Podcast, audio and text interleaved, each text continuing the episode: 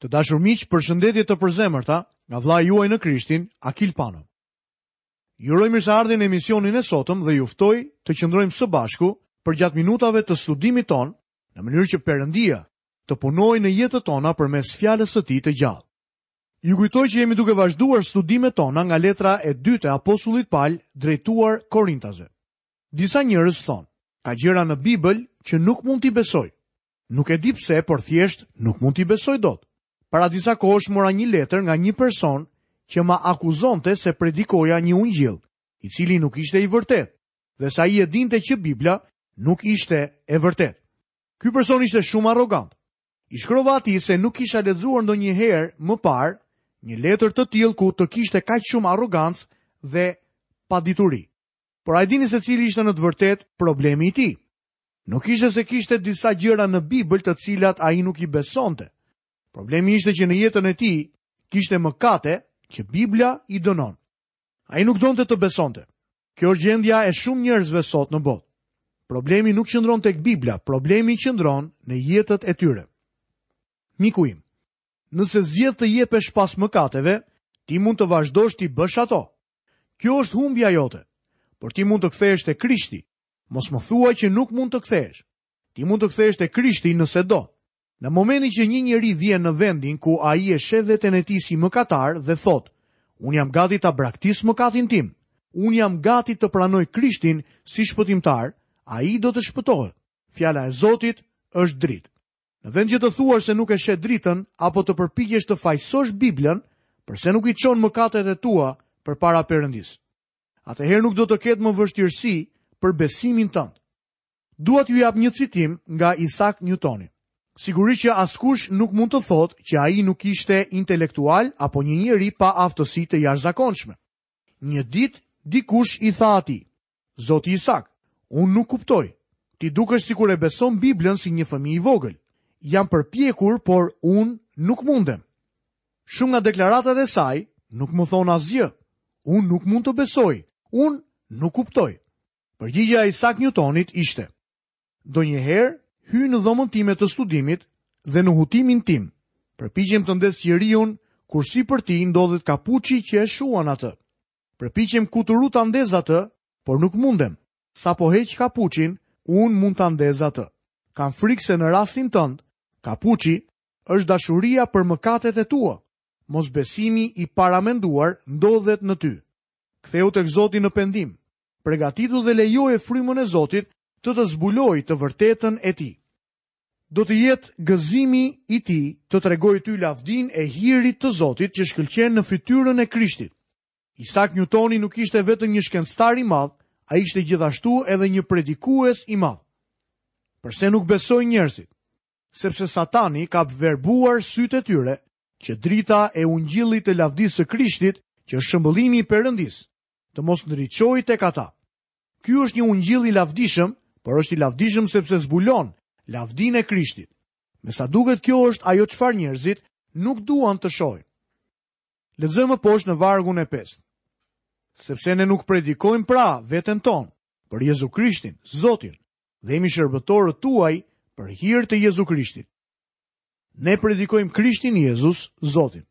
Më besoni miq, ne jemi të paaftë për të ndarë fjalën e Zotit.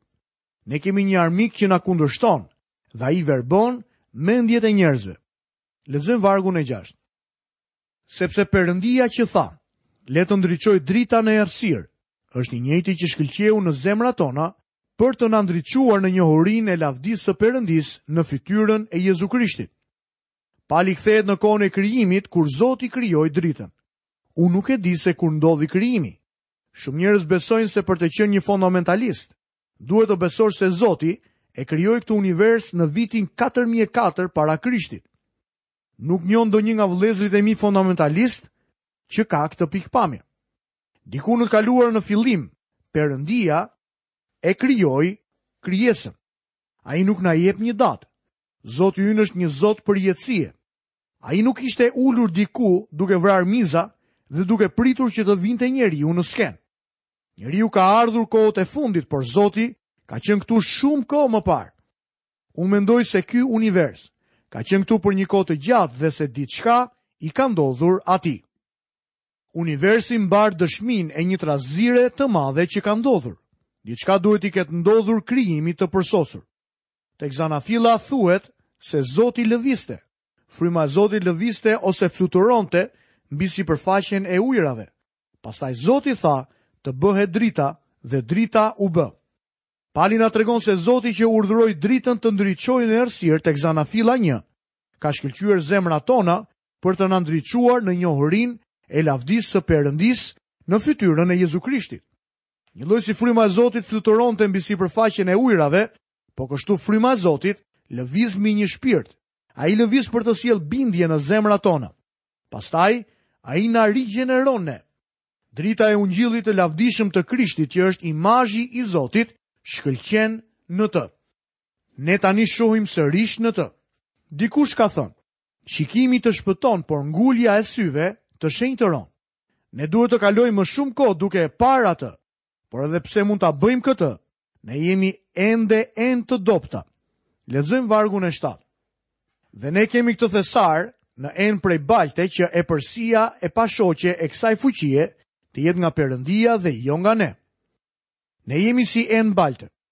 Kjo pamje është një pamje e gjallë. Fjala greke për fjalën baltë është okstrakinos, kjo është ajo që gërmojnë arkeologët sot. Faktikisht, shumë nga gërmimet e mëdha bëhen në qytetet e vjetra ku hidheshin të gjitha enët prej balte. Kur isha në Liban, shkova në Tiro dhe eca përgjatë një gërmimi. Ky gërmim ishte bërë në vendin që kishte mbushur Aleksandri i Madh, midis tokës dhe ishullit për të formuar një gadishull. Unë eca për të parë se si po shkonin gërmimet. Aty kishte shumë poçe të thyer. Pikërisht, kështu përshkruhemi ne. Enë balte të dobëta, poçe që mund të thyhen lehtë. Ne kemi këtë thesar. Cili është thesari? Ai është ungjilli i lavdishëm. Ne mbartim këtë ungjill të lavdishëm në enët tona të vogla prej balte. Kjo është arsyeja pse Pali thotë, sepse ne nuk predikojmë pra veten tonë, por Jezu Krishtin, Zotin, dhe jemi shërbëtorët tuaj për hir të Jezu Krishtit. Ndonjëherë ne mendojmë se duam të jemi predikues të mëdhenj, apo të krishterë të mëdhenj. Kjo është një arsye pse nuk jam i sigurt për të gjitha këto dëshmi që dëgjojmë sot. Është mjaft e lehtë për një njeri të fillojë të mburret në dëshminë e tij. Nëse Jezu Krishti nuk lëvdohet në një dëshmi, atëherë ajo nuk ka vlerë. Veç kësaj, ne jemi thjesht shërbëtorë. Kjo është më e mira që mund të thuhet për ne. Krahasimi i enëve prej balte na kthen prapa në ngjarjen në kohën e Gideonit. Tek Gjyqtarët 7, ne lexojmë se Gideoni mori vetëm 300 vetë për të çliruar vendin nga pushtuesit e panumërt medianitë. Gjithsecili prej tyre kishte një trumpetë, një pishtar dhe një shtambë apo një enë prej balte. Ata i futën pishtarët në enët e tyre prej balte, në mënyrë që drita të mos dukej nga larg. Pastaj kur ata arritën në kampin e medianitëve, ata i thyen enët e baltës. Vetëm kur u thyen enët prej balte, drita mund të shkëlqente. Miku im, kjo është ajo gjë për të cilën kemi nevojë sot. Ne kemi nevojë që ena të thyhet. Apostulli Pal ishte një njeri që e dinte se çfarë do të thoshte të vuaje për hir të Krishtit. Ajo enë duhet të thyhej. Problemi sot është se ne nuk kemi shumë njerëz që të jenë të guximshëm për ta bërë këtë gjë. Më kujtohet se doktor George Gill ka treguar: Kur lind një person, nëna duhet të vuajë dhimbjet e lindjes. Arsyeja pse ka gjithmonë më pak njerëz që rilinden sërish është se jo shumë vetë janë të gatshëm të heqin dhimbjet e lindjes. Sot dëgjojmë shumë gjëra në lidhje me dëshminë, por miku im, çfarë lloj çmimi je i gatshëm të paguash për të? Nuk mjafton vetëm të trokasësh në një derë dhe të vizitosh dikë.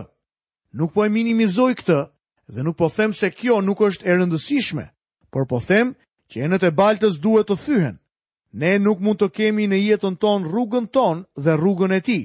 Ne duhet të ndajmë mendjen nëse do ta ndjekim apo jo Zotin. Lexojmë vargun e 8. Ne jemi të shtrënguar në çdo mënyrë, por nuk jemi të ngushtuar deri në fund. Jemi ndërdyshas, por jo të dëshpëruar.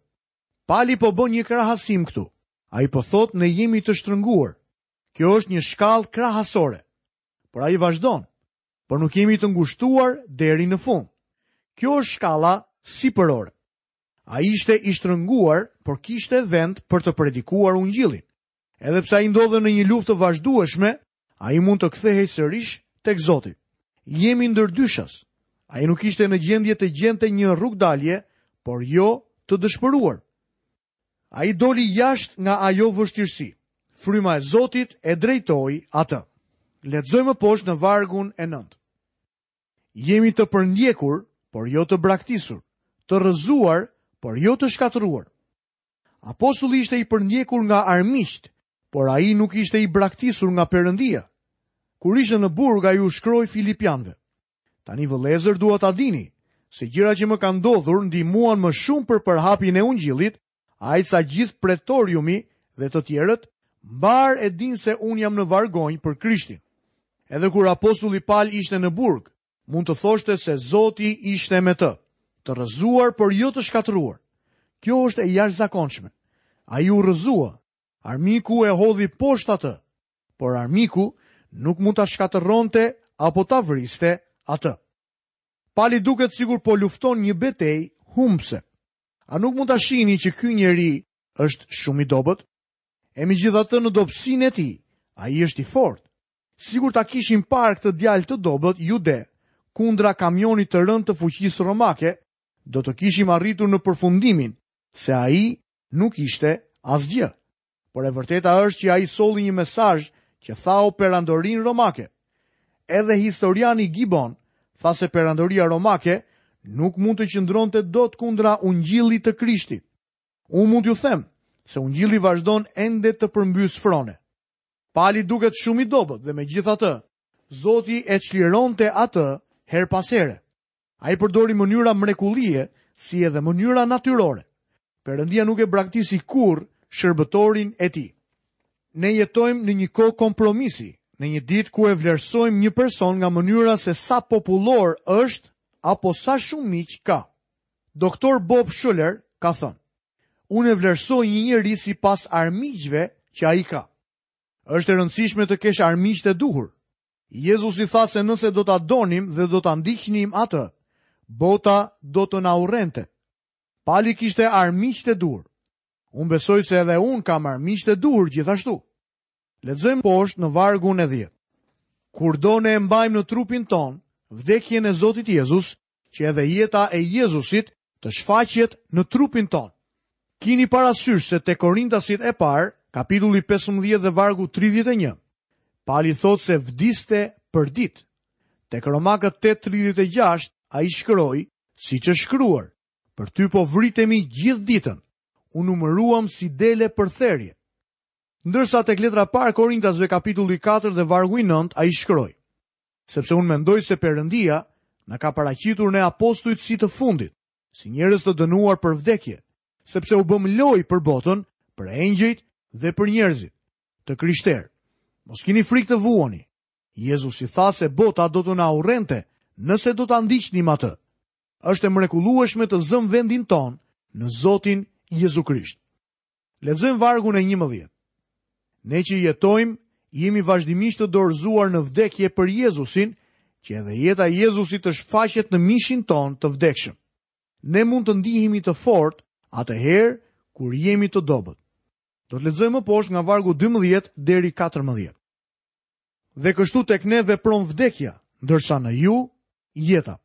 Por duke pasur të njëjtën frymë besimi, sikurse është shkruar, Unë besova, prandaj fola, edhe ne besojmë, prandaj edhe flasim, duke ditur se ai që ringjalli Zotin Jezus, do të na ringjallë edhe ne, nëpërmjet Jezusit, dhe do të na paraqesë bashkë me ju. Është interesante të vësh re se Pali nuk e konsideronte vdekjen fundin e gjithçkaje. Ai shikon përtej saj. Vdekja është vetëm një nga përvojat që ai do të kishte. Në kapitullin tjetër, ai do të flasë për ngushëllimin në shërbesën e martirizimit për Krishtin. Nëse ju jepni jetën tuaj për Jezusin, ju do të merrni ngushëllim. Ai po thotë se ai është bashkuar me Krishtin e gjallë. Ai që ringjalli Zotin Jezus, do të na ringjallë edhe ne nëpërmjet tij. Lexojmë vargjet 15 dhe 16. Prandaj nuk na lëshon zemra, por edhe pse njeriu ynë i jashtëm shkon në shkatërrim, ai i brendshmi përtërihet nga dita në ditë, sepse të gjitha këto gjëra janë për ju, që hiri duke arritur me anë të shumë personave të prodhojë falënderim me tepri për lavdi të Zotit. Ky është një varg i mrekullueshëm. Ndërkohë që rritemi, ne fillojmë të vdesim për sa i përket trupit. Gjithsesi ne rritemi në hir dhe në njohurinë e Krishtit. Lexojmë më poshtë vargjet 17 dhe 18. Sepse trishtimi ynë i lehtë që është vetëm për një moment, prodhon për ne një peshë të pamasë e të pashoqe, të amshueshme lavdie. Ndërsa ne nuk i drejtojmë sytë ndaj gjërave që duken, por ndaj gjërave që nuk shihen, sepse gjërat që duken janë për një kohë, kurse ato që nuk shihen janë të përjetshme. Sërish apostulli jep një kontrast. Këtu duket sikur kemi shumë probleme dhe më duket sikur zgjasin një kohë të gjatë, apo jo?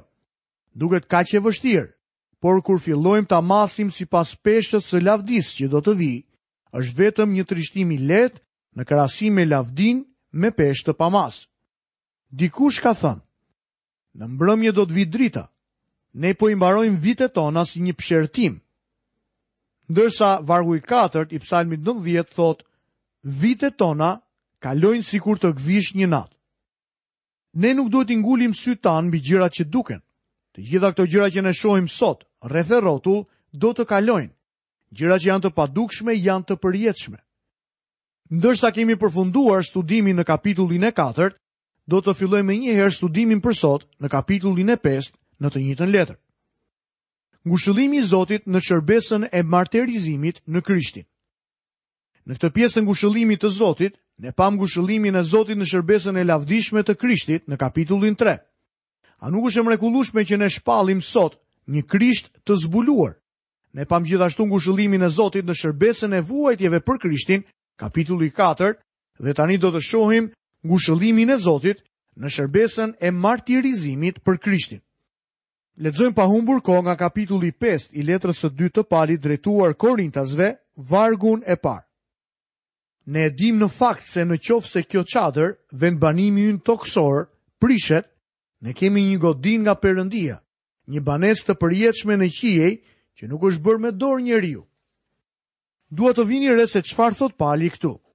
Ai thotë ne e dimë në fakt se në qoftë se kjo çadër, vendbanimi ynë tokësor prishet, ne kemi një godinë nga Perëndia, një banesë të përjetshme në qiej që nuk është bërë nga dora e njeriut. Kjo është një njohje pozitive. Ai e di sepse fryma e Zotit ia ka zbuluar atij këtë. Fjala që përdoret për çadër është fjala skene që do të thotë tendë. Kjo është e njëjta fjalë që përdorej në shkretëtirë për tabernakullin në Testamentin e Vjetër. Tabernakulli i Testamentit të Vjetër, tabernakulli i Mojsiut, ishte një tendë. Ajo ishte një gjë mjaft e hollë. Ky varg ka qenë një pikëpyetje e madhe për mua. Nuk kam qenë asnjëherë aq dogmatik për interpretimin e tij, por tani kam arritur në bindjen se ajo për çfarë ai është duke folur këtu nuk është trupi i përkohshëm. Për shumë vite kam menduar se Zoti do të kishte një lloj trupi të përkohshëm për ne kur të shkonim në qiell. Do të ishte një lloj sikur të çoje makinën në një servis për riparim dhe pastaj të kishe një makinë borxh për aq kohë sa makina jote të rregullohej. Mendoja se Zoti do të na jepte një trup të përkohshëm derisa të na jepeshin trupat e rinj. Nuk më pëlqente kjo ide, por më dukej sikur Pali thoshte këtu. Tani, unë nuk besoj se ai i referohet trupit të përkohshëm, sepse ai thotë se është e përjetshme në qiej. Ai po flet për trupin e ri që ne do të marrim. Ne duhet të kuptojmë se ekziston një njeri i brendshëm dhe një njeri i jashtëm.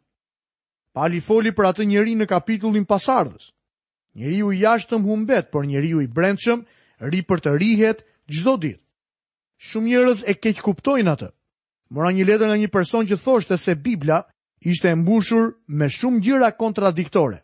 Ai thoshte, Unë mund t'ju dëshmoj se ka shumë kontradikta. Ti flet për filanin që ka shkuar të jetë me Zotin dhe pastaj flet për trupin që do të ngrihet dhe thua se personi do të ngrihet nga të vdekurit këtu poshtë.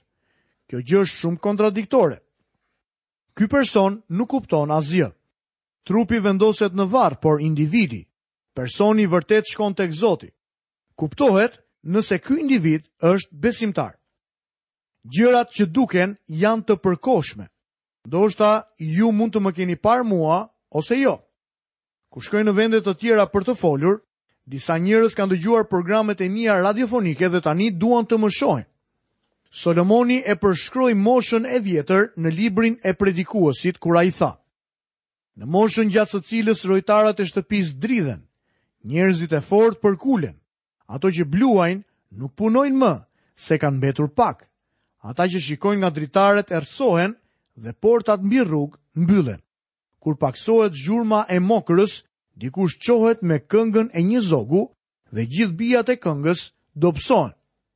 Rojtarët e shtëpisë janë këmbët, njerëzit e fortë janë shpatullat. Ata që shikojnë nga dritaret janë sytë. Kur pakësohet zhurma e mokrës i referohet dëgjimit. Mosha e vjetër vjen në njeriun e jashtëm. Gjërat që duken janë të përkohshme. Njeriu i brendshëm është shpirtëror. Është disi e vështirë për ne ta kuptojmë këtë gjë. Perëndia është një person, por Zoti nuk është një qenie fizike apo materiale. Perëndia është shpirt. Perëndia është frymë dhe ata që e adhurojnë atë, duhet ta adhurojnë në frymë dhe në të vërtetë. Të dashur miq, këtu kemi mbërritur dhe në fundin e emisionit të sotëm. Ju falenderoj që keni qëndruar së bashku me mua përgjatë minutave në studimin tonë. Ju kujtoj që vazhdimin e kapitullit të 5 nga letra e dytë e Palit drejtuar Korintasve do ta ndjekim sërish në studimin e herës së ardhshme.